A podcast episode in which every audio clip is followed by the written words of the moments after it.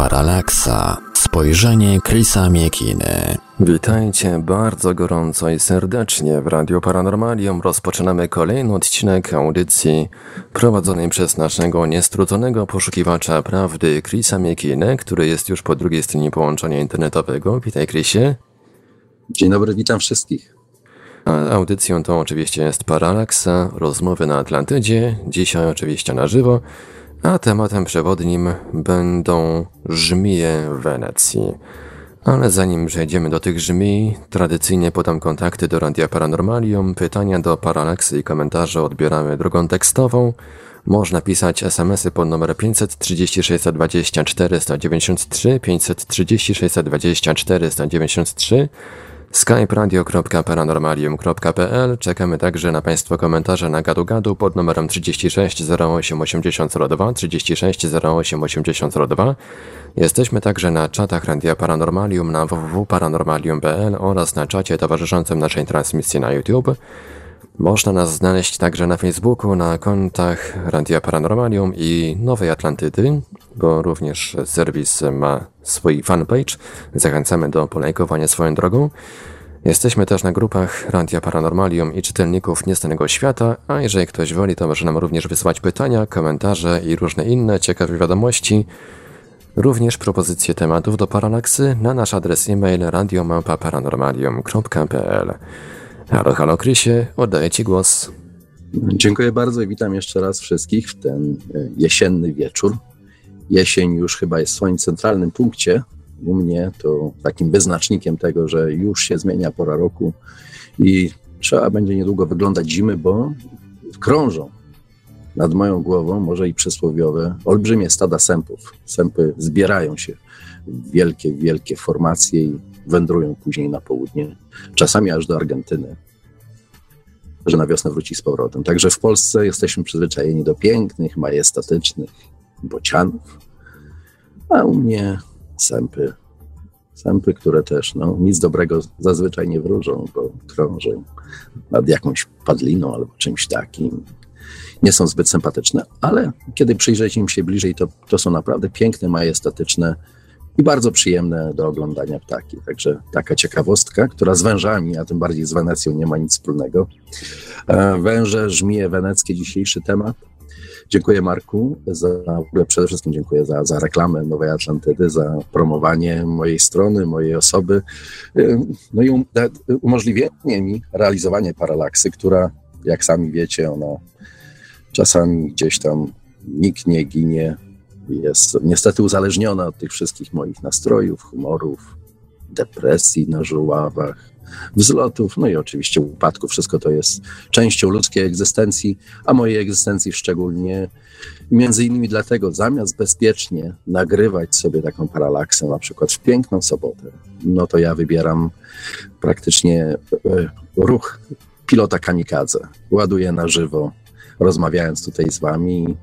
Czasami zdaję sobie sprawę, że na 15 sekund przed oddaniem mi głosu w zasadzie nie mam pierwszego zdania, od którego chcę, chciałbym zacząć co chciałbym wam powiedzieć. To takie niestety troszeczkę może za szczere wyznania, jak to wygląda z mojej strony od kuchni. Y, ale mówię o tym dlatego, że ten temat, który wygrał plebiscyt.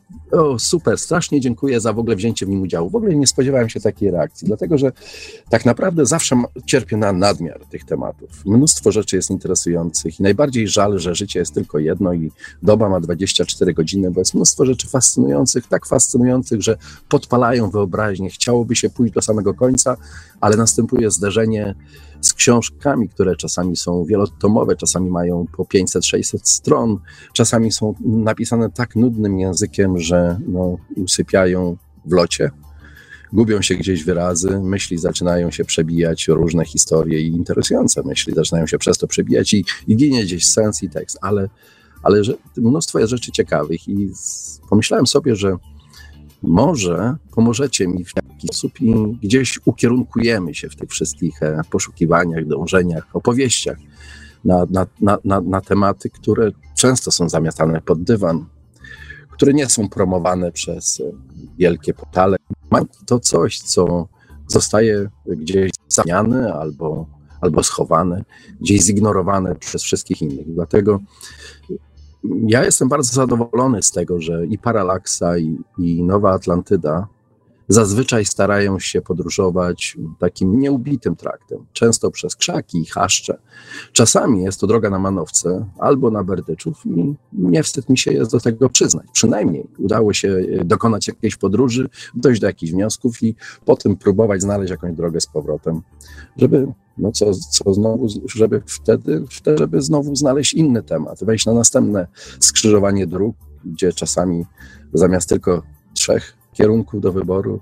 Okazuje się, że ich znacznie więcej, że rozchodzą się, rozchodzą się one promieniście, czasami łączą się, przeplatają się ze sobą, jak te żmije, o których dzisiaj będziemy mówić. I znów nie wiadomo, dokąd doprowadzą. I w plebiscycie, który rozpisałem, wygrały, wygrały żmije Wenecji, co mnie troszeczkę zaskoczyło, bo Wenecja ze wszystkich tematów jest takim najmniej komercyjnym tematem. Ja się troszeczkę obawiam, że Wenecja wygrała troszeczkę jadąc na popularności templariuszy, bo zapowiadałem to jako pewną kontynuację tematu, ale myślę, że tutaj e, doszło z mojej strony do pewnego e, nieco, no, jakby to powiedzieć, trzeba się przyznać, trzeba nazwać rzeczy po imieniu, do oszustwa, dlatego że templariusze są oczywiście mocno spleceni z historią najjaśniejszej Republiki Weneckiej, bo ona najjaśniejsza była, a w innym tłumaczeniu można nawet nazwać, że o najczystszym i najbardziej lazurowym niebie. Także bardzo interesująca nazwa, jak na kraj, który liczył się wówczas bardzo w Europie i liczył się przez kilkaset lat pod rząd, czego jakoś historycy nie zauważają. To jest fascynujące samo w sobie. No ale właśnie ten temat miał w jakiś sposób splasać się z templariuszami. Templariusze gdzieś się pojawią, ale pojawią się, pojawią się nieco w tle. Myślę, że y, ta godzina czasu, którą mamy dzisiaj do dyspozycji, znów nie wystarczy, żeby omówić wszystkie aspekty. Czasami to bardzo, nawet i bardzo dobrze, dlatego że można zamęczyć takim tematem, który wchodzi y, w elementy, które są, można by je nazwać trudnymi, ale są po prostu skomplikowane i, i wypada dać sobie czas, żeby one w jakiś sposób się uleżały i jakoś się dojrzały do tego, aby móc, móc nad nimi trochę pomyśleć i, i, i znaleźć ich właściwy sens i znaczenie i, i dlaczego one są istotne w temacie, który pozornie nie ma z nimi nic wspólnego. W temacie Wenecji i żmii weneckich, tym przewijającym się najczęściej elementem są pieniądze. Pieniądze y, są czymś, co używamy na co dzień jest to medium wymiany, jest to magiczne medium. Wyciągamy papierek, wyciągamy banknot, na którym jest napisana jakaś liczba, i dzięki temu papierkowi w magiczny sposób możemy posiąść najrozmaitsze dobra, tak fizyczne, jak i rozmaite inne, duchowe również. Może niektórzy sobie na przykład kupują u ojca dyrektora bilety do raju, i to jeszcze na dodatek pierwszą klasą, Maybachem czy czymś innym, mogą sobie tam dojechać. E, I kupują sobie rozmaite dobra fizyczne, jeszcze inni mm, łączą jedno i drugie, przyjemne z pożytecznym i, i, i zamieniają ten kwit, który jest wart bardzo, bardzo niewiele. Jest troszeczkę więcej wart niż, niż papier, na którym został wydrukowany i tusz, jaki został użyty do jej produkcji. Dokonuje tej magicznej przemiany. Coś, co ma rzeczywistą, realną wartość. Dyskusja na temat pieniądza, w zasadzie jest to dyskusja nad całą naszą cywilizacją, bo pieniądz pojawia się w czasach dawnych i kiedy znów w jakiś sposób rozmyślałem, jak, jest, jak ugryźć ten temat Wenecji, jak go rozpocząć, żeby nagle nie wyskoczyć jak diabeł z pudełka, no to okazało się, że trzeba się cofnąć bardzo, bardzo daleko w przeszłość, do czasów Sumeru, gdzie to wszystko powstawało, do tych słynnych sumeryjskich, babilońskich banksterów, którzy są w sposób i symboliczny, ale i fizyczny, połączeni z Wenecją. Także temat jest niezwykle intrygujący, gdzie nieoczekiwanie znów pojawia się hermetyzm, o którym mówiłem wcześniej przy różnych okazjach, gdzie pojawia się, pojawiają się dwie postaci ze starożytności, które stworzyły podwaliny całej naszej kultury. Mam na myśli Arystotelesa i Platona, których filozofie były od siebie kompletnie różne i odrębne, i o ile zazwyczaj traktuje się jako luminarzy starożytności, jako niezwykłych myślicieli, niegroźnych myślicieli, okazuje się, że ich myśl, ich koncepcja widzenia świata i rozumienia świata obciążyła nas tak bardzo, że do dziś w zasadzie, czy chcemy, czy nie, uczestniczymy w tej walce pomiędzy Arystotelesem, który, którego reprezentują materialiści, komuniści, libertyni, wolnomyśliciele pod różnym względem. Nie zawsze wolnomyśliciel to jest, jest, należy rozumieć w dobrym tego słowa znaczeniu. A Platonem, który jest o wiele bardziej ezoteryczny, ale pozwala człowiekowi na duży obszar wolności, wolności osobistej, na wolność jego wyboru, wolność rozumienia wszystkiego bez uwikłania się w dogmaty, bez uwikłania się w wymogi rozmaitych praw i pozwala mu na podjęcie decyzji co do samego siebie. I znów staram się wrócić z tamtych dalekich rejonów do, do Wenecji, kiedy e, znów starałem się znaleźć jakiś, jakiś punkt startu do naszej weneckiej przygody, zacząłem się zastanawiać nad tym w zasadzie, ile wiemy o tej Wenecji. Co ta Wenecja znaczy w naszej kulturze? Czy coś wiecie? Czy, czy kojarzy się wam, z, moi drodzy słuchacze, z czymś ta Wenecja? Oprócz masek, balów, kanałów, gondoli, łącznie ze najsłynniejszym polskim gondolierem, czyli Jerzym Gondolem, który śpiewał piosenkę Gondolierzy nad Wisłą? Czy z czymś jeszcze, co nam się kojarzy? Kojarzy się oczywiście jeszcze z pięknymi zabytkami, na przykład z niezwykłym placem świętego Marka i tak mam nadzieję kiedyś to nazwą. Piękny plac, który zaczyna powoli przypominać coraz częściej akwarium, bo jest zalewany falami Adriatyku. Dziś Wenecja nie ma takiego znaczenia politycznego, jak miała kiedyś, dawno, dawno temu. Wydaje się być jednym z wielu miast na świecie, które mają piękną historię, przepiękne, niezwykłe zabytki, która istnieje, w, y, która żyje w kłopotach. I myślę, że znów wracając do tych wszystkich e, polskich koneksji z Wenecją, jedyna rzecz, jaka przychodzi do głowy, to film dawno, dawno temu nakręcony, komedia pod tytułem Chłopaki nie płaczą, gdzie jeden z głównych bohaterów, Bolec, postanowił wy, wypożyczyć sobie film o mafii, strzelance, morderstwach i różnych e, historiach e, kryminalnych. I w zasadzie miał dobrą intuicję, bo Wenecja i cała jej historia jest to historia kryminalna pod każdym względem. Natomiast on sobie wypożyczył film pod tytułem Śmierć w Wenecji, gdzie tą gondolą płynęli i płynęli, i płynęli, i płynęli. I ciągle nad czymś rozważali. Także strasznie rozczarowujący fakt, ale to był jeden z następnych elementów, który w jakiś sposób zareklamował Wenecję, tylko że z tej odwrotnej strony, pokazując, że miasto jest w zasadzie senne, nudne i gdzieś tam istniejące na, na peryferiach ludzkich zainteresowań. Także a, znów, jest, znów są, są, te, są, to, są, są te problemy z Wenecją. Jak ją, jak ją umiejscowić, jak, jak ją zrozumieć i gdzie znaleźć jej, jej ważność. Przede wszystkim ważność historyczną i tak jak zapowiadałem, ważność na tyle wielką, że sięga w zasadzie jej wpływy, jej myśl i sposoby, w jakich e, próbowała wpływać na losy świata. One funkcjonują do dziś i myślę, że wiele krajów zwłaszcza kraj, w którym mieszkam, USA, zaadoptowało sobie te metody, które do perfekcji doprowadziły właśnie weneckie żmije, albo jak nazywali ich Grecy, y, żaby z bagna weneckiego, i które wykorzystywały to właśnie do, do tego, aby utrzymać ten kraj przez w zasadzie 1500 lat. 1500 lat nieprzerwanie, nieprzerwanej ciągłości na powierzchni tego Morza Adriatyckiego, gdzieś tam u ujściu padł, który narozrabiał bardzo w historii. Bo żyjemy w czasach historycznych, które nikt nie powie, że są stabilne. Są, są absolutną konwulsją ludzkich instytucji, których, tej, której sens tej konwulsji bardzo często kompletnie nie rozumiemy. Nie rozumiemy korzeni i mechanizmów, które regulują tym historycznym procesem, ale łatwiej to zrozumieć właśnie, gdy prześledzi się e, efekt, jaki na świat miało istnienie Wenecji.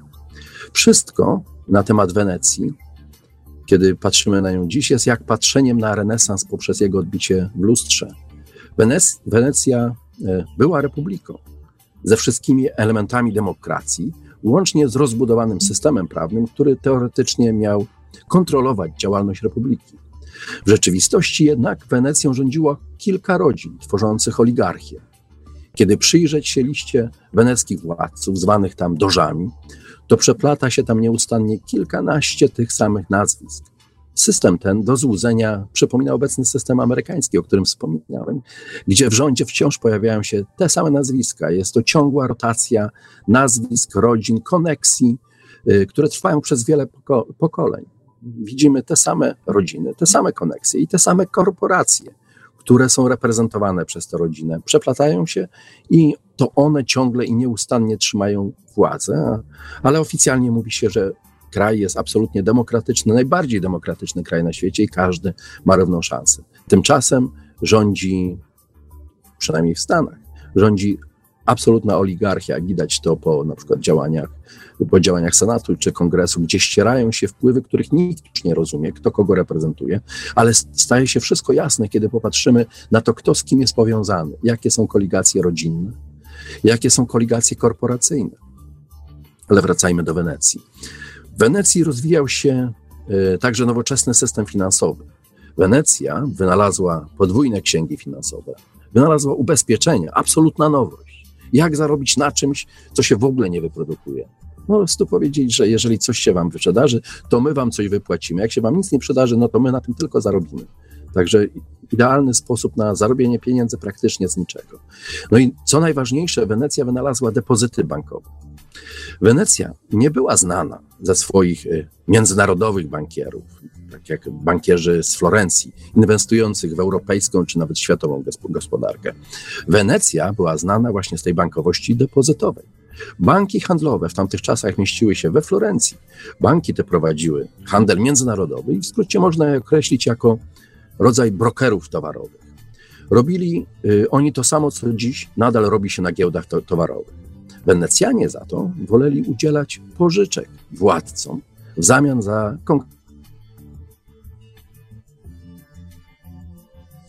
Oj, chyba komuś, e, jakiemuś Wenecjaninowi, Krysie, nadepnąłeś na odcisk tą audycją, bo właśnie urwało połączenie. Kiedy jednak e, spojrzeć na weneckich bankierów z Realto, Realto jest to centrum Wenecji, gdzie stoi Pałac Dożów i wszystkie instytucje weneckie zbudowano dookoła właśnie tego miejsca, nazwane zostało to Realto.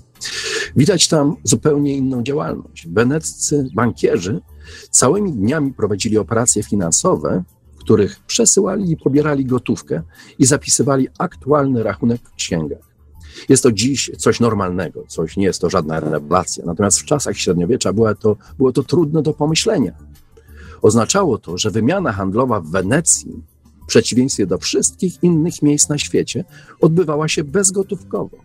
Wystarczył kwit, wystarczyło pokwitowanie odbioru i przekazu, i pieniądze nie musiały fizycznie znaleźć się w banku, aby być zainwestowane zupełnie gdzie indziej, w innym mieście, a nawet na innym kontynencie. Działalność ta, taka drastycznie zwiększała podaż pieniądza. Cała gotówka Wenecji mogła zostać dzięki temu użyta w handlu międzynarodowym, głównie w formie pożyczek.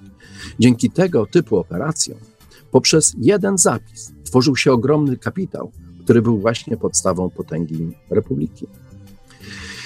Historia Wenecji jest bardzo często pomijana, pomijana w myśleniu historycznym, gdzie powstawały i padały imperia, zostawiając swoje wpływy i dokonania kolejnym pokoleniom. Wenecja była w, w, w końcu pojedynczym, niezbyt dużym miastem na bagnistej lagunie północnego Adriatyku. Logika wskazuje, że jej wpływ na historię musiał być proporcjonalny do wielkości tego państwa, e, państwa miasta rządzonego przez oligarchię despotów. I okazuje się, że logika nie zawsze ma i, i szukanie e, tego zwykłego, zdrowego rozsądku nie zawsze, nie zawsze ma rację, nie zawsze prowadzi do e, właściwych wniosków. Sama Wenecja nazywała się najjaśniejszą republiką, ale znów dla wyjaśnienia, nie była to republika rozumiana w dzisiejszym sensie. Jej początki są bardzo mroczne i ciągną się od czasów Imperium Rzymskiego aż po czasy Napoleona. Najlepiej zrozumieć Wenecję, wyobrażając ją sobie jako taś, taki taśmociąg transportujący y, starożytną wiedzę Babilonu i, i aplikującą ją we współczesne życie. Półtora tysiąca lat kontynuacji istnienia Wenecji to przede wszystkim historia oligarchii z oryginalną strukturą państwową i zinstytucjonalizowanym, uf, udało się, trudne słowo, próbuję to słowo kilka razy na antenie, jeszcze się go dobrze nie nauczyłem, zinstytucjonalizowanym wywiadem politycznym. Wenecja, ludność Wenecji nigdy nie przekroczyła liczby kilkuset tysięcy mieszkańców. Mimo to wyrosła do rangi potężnego imperium, a w XII wieku utrzymywała, o, e, mniej więcej od XII wieku, utrzymywała ten status aż do podpisania pokoju w Westfalii w XVII wieku, w 1648 roku dla ciekawskich.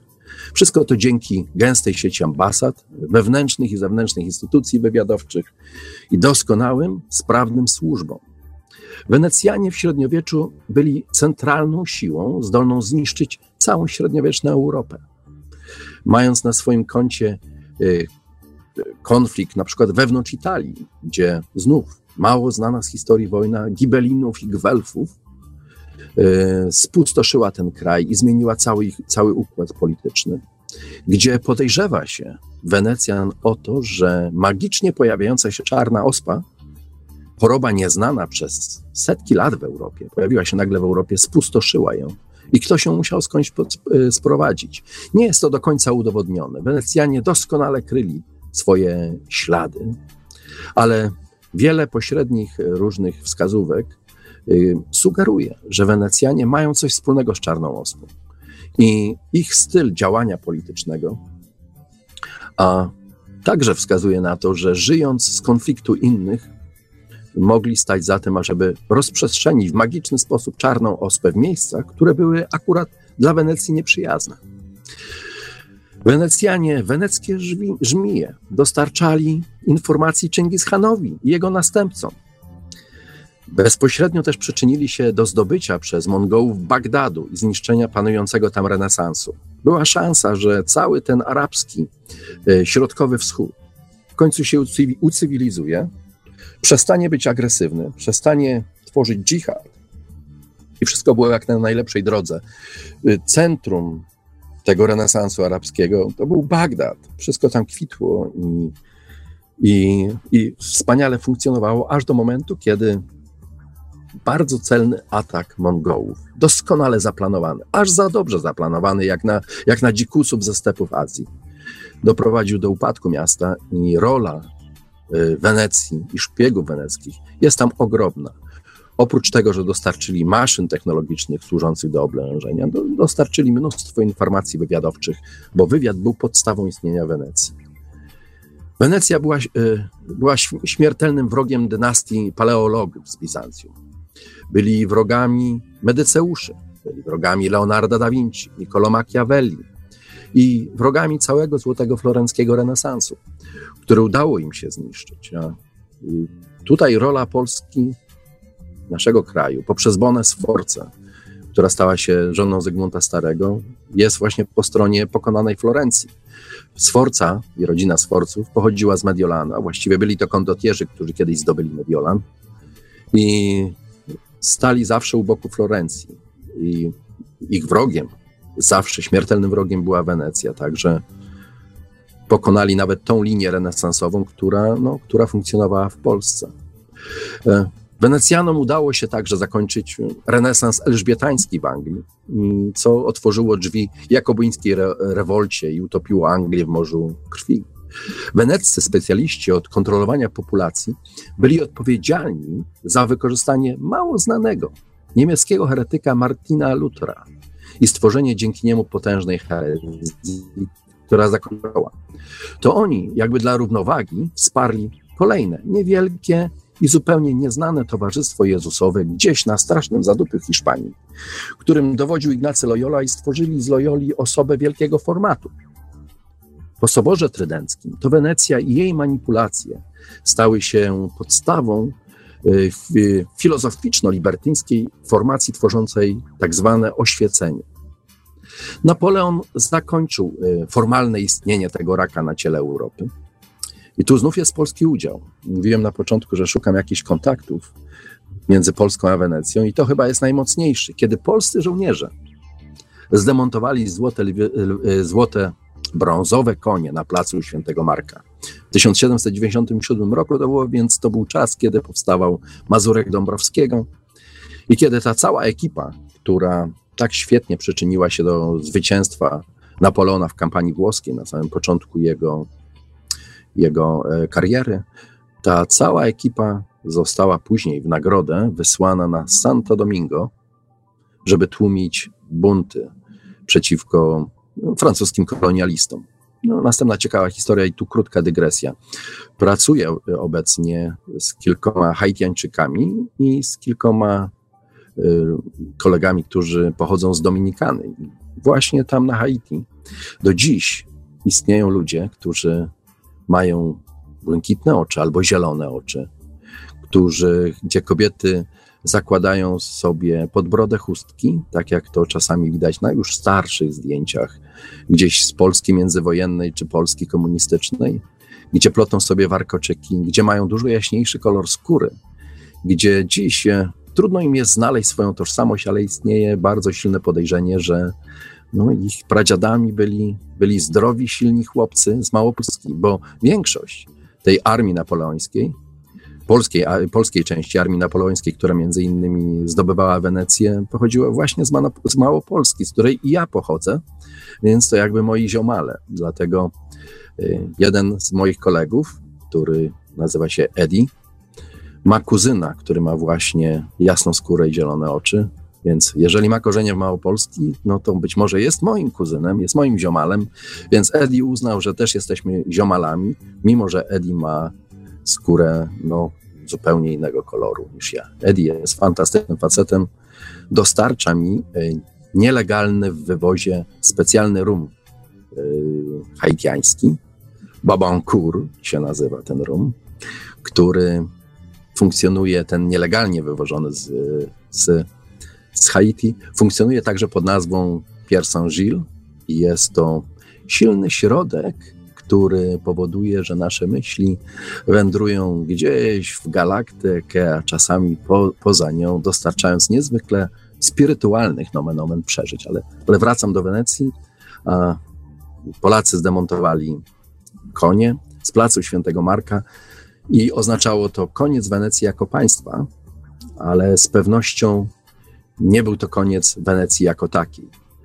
Kilkaset lat wcześniej Wenecjanie przewidzieli, że do tego dojdzie i zawczasu, zawczasu przez kilkaset lat przenosili swoje bogactwa, wpływy i manipulacje do innych miejsc, dziś bardzo ważne w Europie, do Genewy w Szwajcarii, gdzie mieści się centrum dzisiaj najrozmaitszych y, mrocznych banków manipulujących całą gospodarką światową, do Amsterdamu, olbrzymiego centrum handlowego i do Londynu.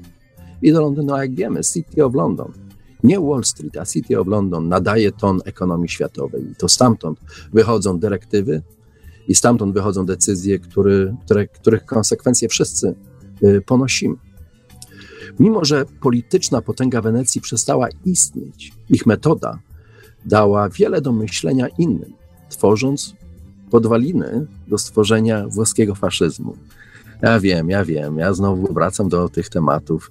Miałem nadzieję, że e, uniknę dzisiaj mówienia o nazistach, ale okazuje się, że się nie da. Zwłaszcza, zwłaszcza że kiedy popatrzeć, kto wspierał na przykład takich fajnych misiów jak, jak Wagner z jego wspaniałą, monumentalną muzyką, ale muzyką, która, która kojarzy się bardzo często e, z totalitarnym hitleryzmem, no to budzi to takie sprzeczne e, e, emocje i kiedy popatrzymy, kto był jego mecenasem, kto dawał na to, na to wszystko pieniądze i wspierał go, okazuje się, że są to rodziny, szlacheckie rodziny, takie jak Turnen Taxis, e, takie jak szlachta z domu Hanower, bardzo wpływowa, tak jak ludzie związani z księciem Bawarii,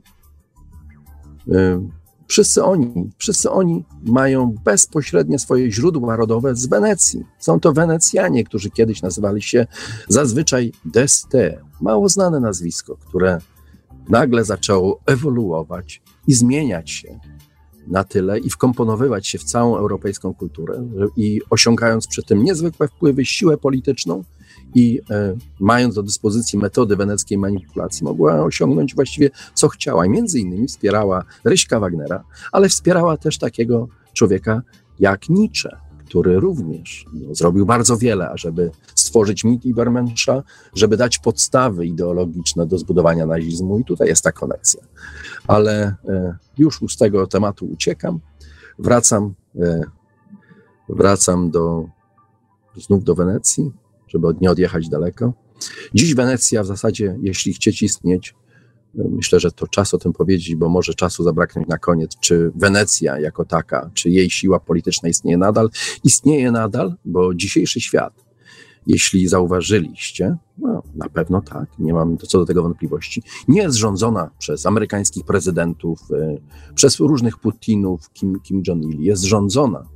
Ta cała polityka światowa jest, de decyzje powstają w think tankach i takim najsłynniejszym think tankiem, żeby mm, nadać odpowiedni y, ton temu, temu rodzaju myślenia, jest, są Bilderbergowie na przykład. Jest to think tank.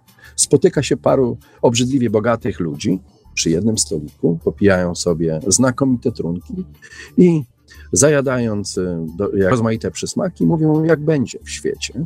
I ich największymi konkurentami w realizacji decyzji są inne think tanki które funkcjonują gdzieś w różnych rejonach, wpływowych rejonach świata. Takim think tankiem jest Klub Rzymski. I to właśnie Klub Rzymski e, jest zdominowany przez ludzi związanych kiedyś z państwem miastem, z Republiką Wenecką.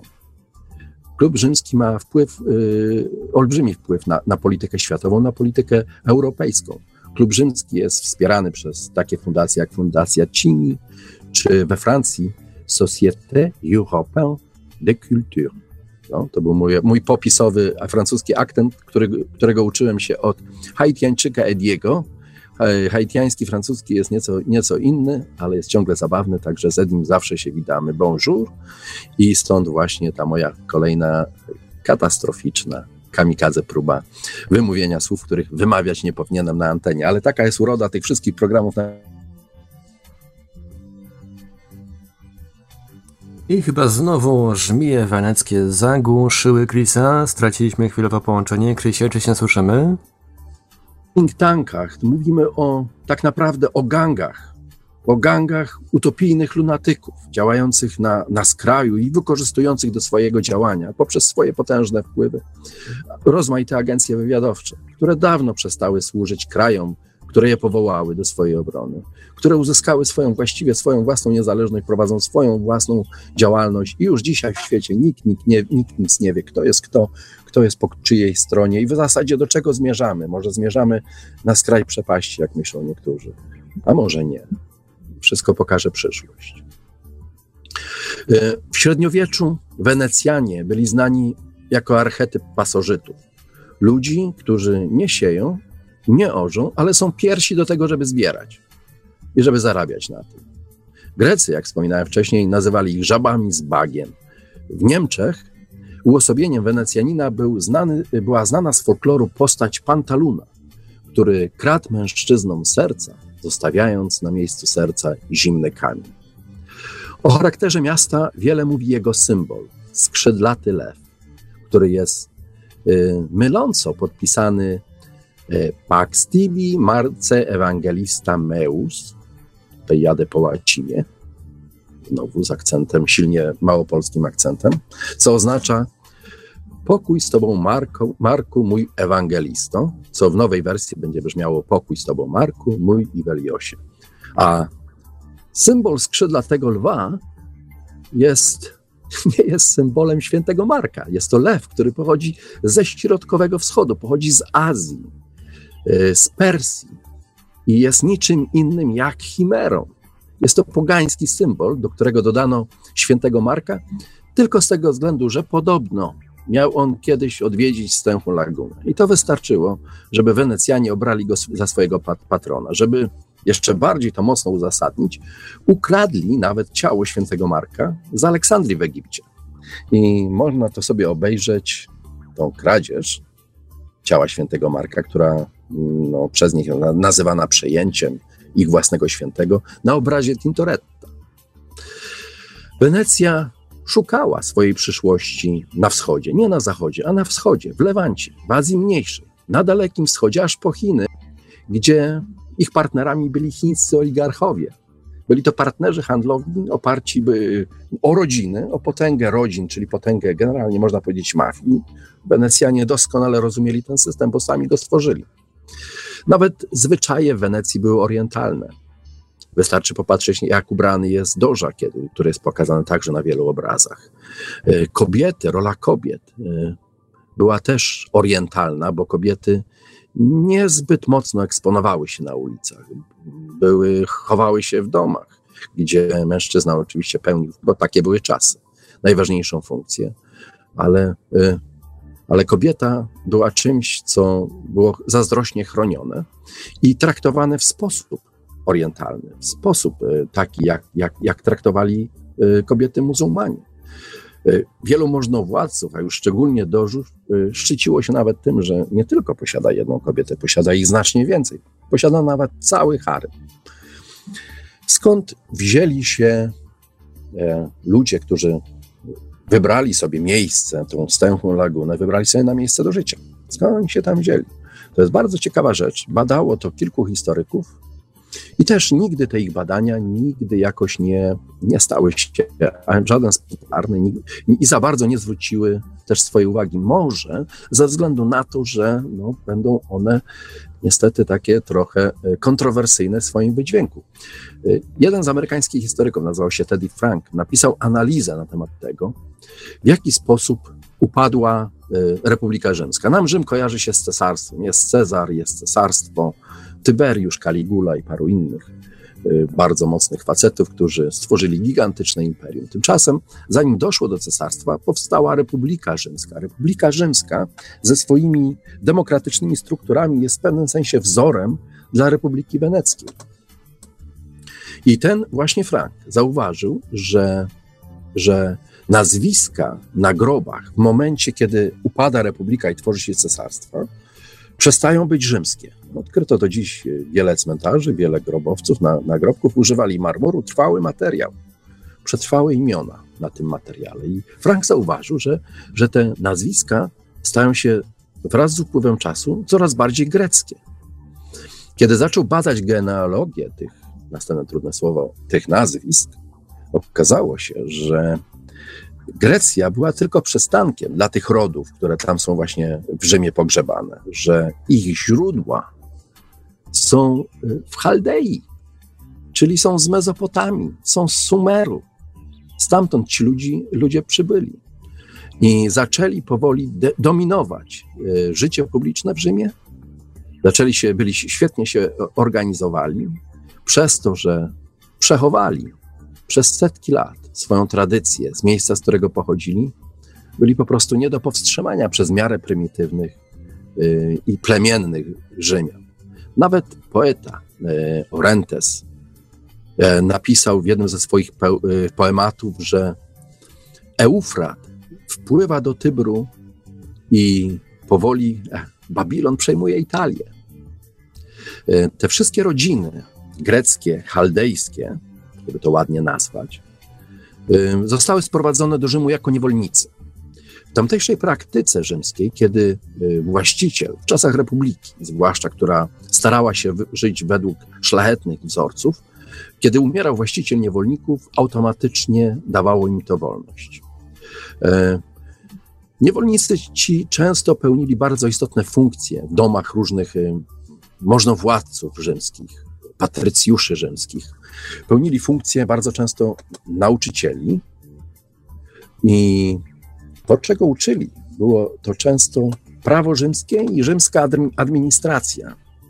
Także nagle ci ludzie stali się specjalistami od wiedzy na temat tego, jak działa i funkcjonuje państwo. I potrafili później wykorzystać tą wiedzę.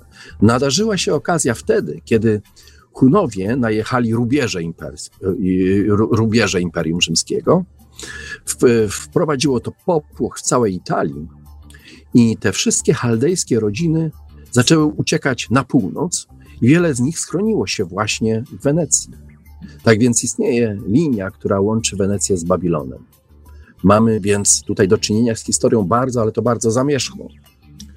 Wenecja zawsze była gdzieś na samym środku granicy, najpierw pomiędzy cesarstwem rzymskim a Bizancjum, później pomiędzy chrześcijaństwem a islamem. Nawet w XX wieku Wenecja stała dokładnie na granicy między, układy, między Układem Warszawskim a NATO.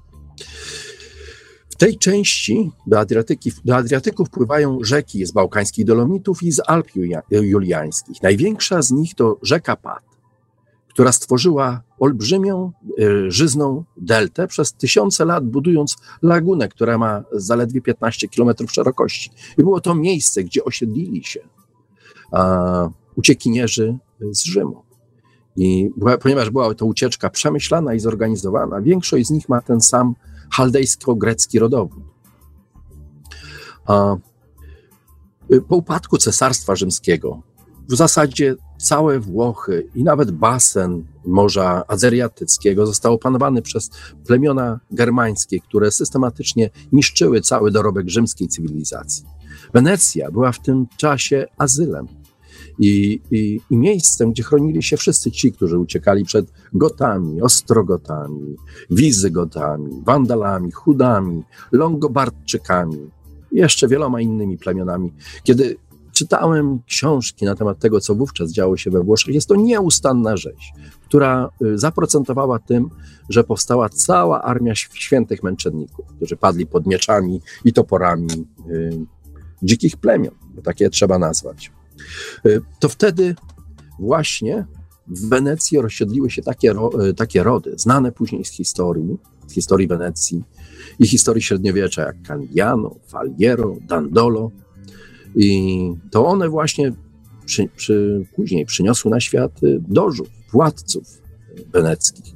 Około 600 roku naszej ery miasto zaczęło tworzyć własny samorząd i instytucje administracyjne. 100 lat później mniej więcej wybrano pierwszego doże. W tym czasie y, właśnie zaczęła powstawać państwowość wenecka, gdzie rodziny weneckie zaczęły żenić się z Greczynkami z dworu cesarza Justyniana w Konstantynopolu. Cesarz Justynian niekoniecznie był Grekiem, najprawdopodobniej był Rzymianinem i śladem po jego działalności w tamtych czasach i jego rodzinie jest to, że jedną z najbardziej wpływowych y, rodzin weneckich w tamtych czasach była rodzina Justiniani, czyli rodzina Justynianów, rodzina Rzymian, którzy przenieśli się na dwór Bizancjum i w tym czasie, był to krótki okres, wspierali rozwój Wenecji. Weneckie rodziny były podzielone na dwie kategorie. Pierwsza z nich to były najstarsze rodziny, zwane lodzi, które były w stanie udowodnić swoje szlacheckie pochodzenie jeszcze sprzed roku tysięcznego. Do lodzi należały znów te rodziny, które wymieniłem: Dandolo, Michiel, Morosini, Contarini, bardzo ważne nazwisko później w historii, w historii Giustiniani oczywiście, Zeno, Zeno z kolei są uwikłani w, i w wyprawy Kolumba, i w odkrywanie Ameryki. Wszystkie te machinacje, jakich dokonano e, w, w uznaniu Ameryki za nowy kontynent i ogłoszeniu światu, że coś takiego istnieje. A także y, rodziny Cornaro, Grandenigo, Tiepolo, Falieri, wszystko to były rodziny, które właśnie wy, przy, w których które wydawały na świat dożów. To właśnie tych najpotężniejszych władców Wenecji, którzy mieli e, władzę absolutną i którzy byli wybierani przez y, oligarchię wenecką na, do tej funkcji. Y, te wszystkie rodziny miały monopol na uzyskanie tytułu doży, tak to można nazwać. Dopiero w XIV wieku dołączono do tej kasty bogatych oligarchów następnych parweniuszy. Wenecja która miała niezwykły zmysł handlu i zdobywania pieniędzy, handlowała także tytułami szlacheckimi. Kiedy świat handlował towarami przewożonymi jedwabnym szlakiem, Wenecjanie znaleźli sobie zupełnie inne źródło lukratywnego dochodu. Znów o tym się nie za bardzo, nie za mocno mówi w historii, bo Wenecjanie handlowali niewolnikami. Sprzedawali niewolników Saracenom, Mongołom, Turkom, nie przeszkadzało im wcale, że handlują chrześcijanami. Sprzedawali swoich własnych ziomków z Italii i z Grecji, którzy, y, za których mogli dostać najwyższą cenę na rynku niewolników. Sprzedawali Niemców, sprzedawali Polaków i Rosjan, wywożąc ich z portu Tana, ujścia do, y, Donu, na krańce Morza Azowskiego, gdzie transportowani byli w głąb Azji. Później handlowali także murzynami z Afryki, którzy nagle stali się bardzo modni na dworach możnowładców. Imperium weneckie rozrastało się terytorialnie, kiedy przejęli oni Kretę, Cypr, Korfu, Naxos i mniejsze wyspy na Morzu Egejskim. Do budowania swoich fortec i portów wykorzystywali oczywiście niewolników, zarządzanych przez rodziny oligarchów, którzy zbudowali swoje fortuny na plecach tych niewolników. Haremy całego Imperium Otomańskiego od Bałkanów po Maroko były zaopatrywane przez Wenecjan. Armia tureckich janczarów, tych janczarów, którzy, przez których między innymi w Kamieńcu Podolskim wywalił się w powietrze e, pierwszy polski kosmonauta Wołodyjowski, mm, ta armia janczarów pochodziła również od Wenecjan, którzy łapali młodych chłopców, zamienianych później w fanatycznych żołnierzy. Część weneckiego portu do dziś nazywa się Rivadelli Scavoni, czyli dok niewolników. Około 1500 roku wenecki oligarcha Christofor, e, który został admirałem republiki, napisał dialog opisujący wady i zalety, zalety niewolników. Także tak, na ten temat poematy. Włosi byli według niego najgorszymi niewolnikami, Dalmatyńczycy byli trochę lepsi, ale Grecy byli najlepsi. Mimo to i tak wszyscy byli brudni i obrzydliwi. Do XVIII wieku Wenecja miała mm, polityczne y, rodzaje porozumień, między innymi z Bawarią, którą zaczęła w międzyczasie rządzić, o tym, na temat tego, że więźniów, których, których y, skazywano w Bawarii na ciężkie roboty, przesyłano do, do Wenecji, gdzie tam odbywali karę i najczęściej nie wracali na wolność z życiem. Osobną działalnością Wenecji było piractwo. To była kolejna podstawa weneckiej ekonomii. Wojna z Genuą e, dawała wiele okazji, aby okradać inne okręty. Wojna z Genuą skończyła się wreszcie pewnym rodzaju, pewnego rodzaju porozumieniem, ponieważ Genua prowadziła także no, znowu chyba nam urwało połączenie. Krysie, czy się słyszymy? no. sojuszników w Wenecji. Halo? Coś się stało? No, przez parę sekund nie było połączenia, ale już wszystko jest w porządku. Tak, to mówiłem o tym, że Genua stała się po latach walk i, i rywalizacji, stała się jednym z największych sojuszników Wenecji.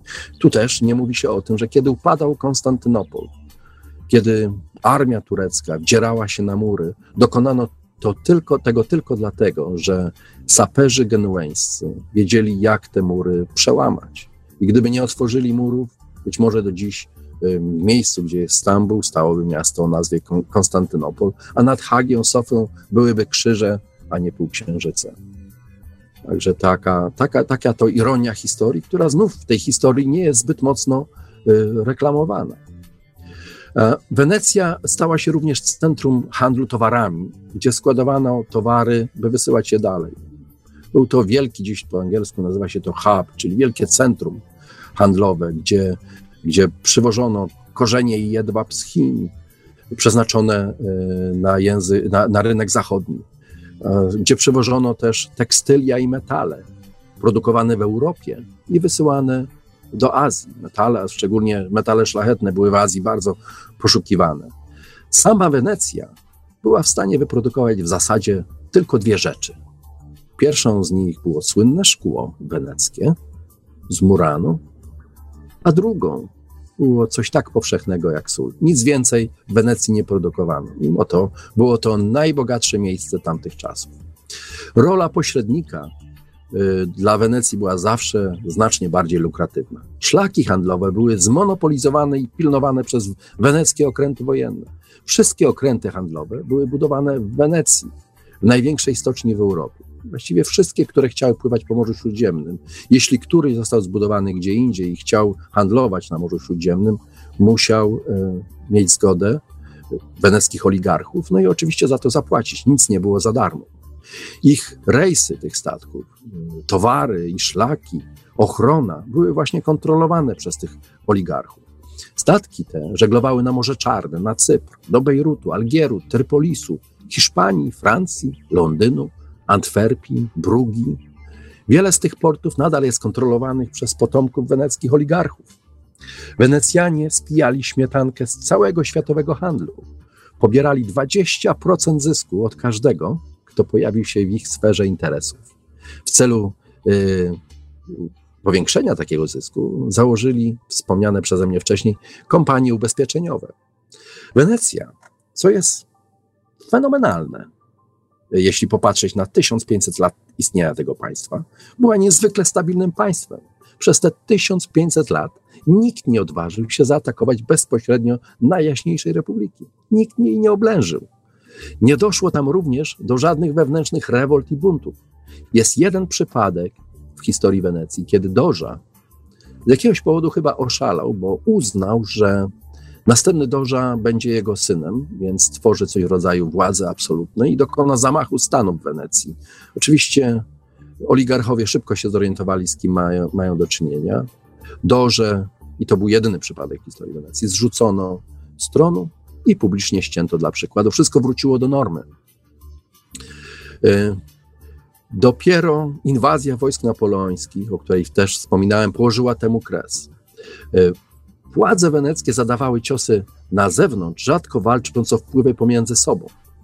Dla pokonania konkurencyjnej Genui y, do zmiany władzy w Genui na przykład,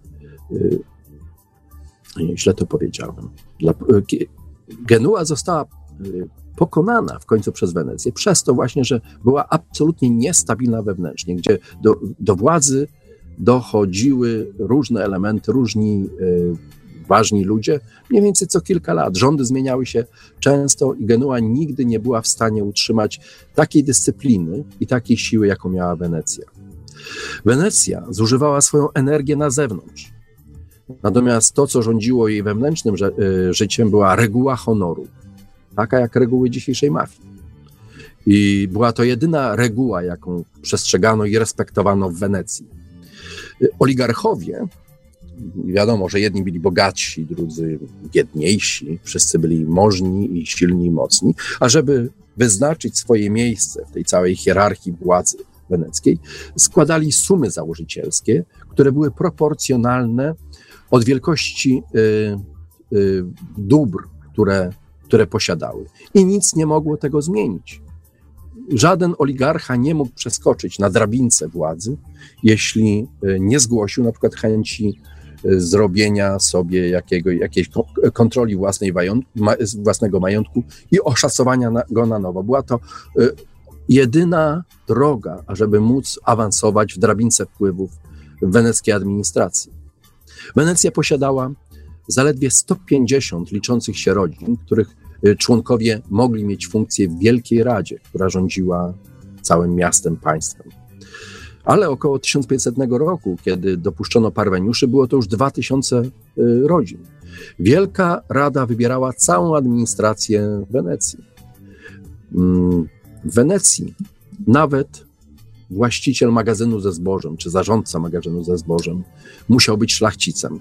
Także wszystko było, wszyscy wybierali tych wszystkich zarządców gdzieś pomiędzy sobą, w zależności od tego, jakie były układy rodzinne. Nigdy nie dopuszczony został nikt z zewnątrz. I wszystko było silnie kontrolowane.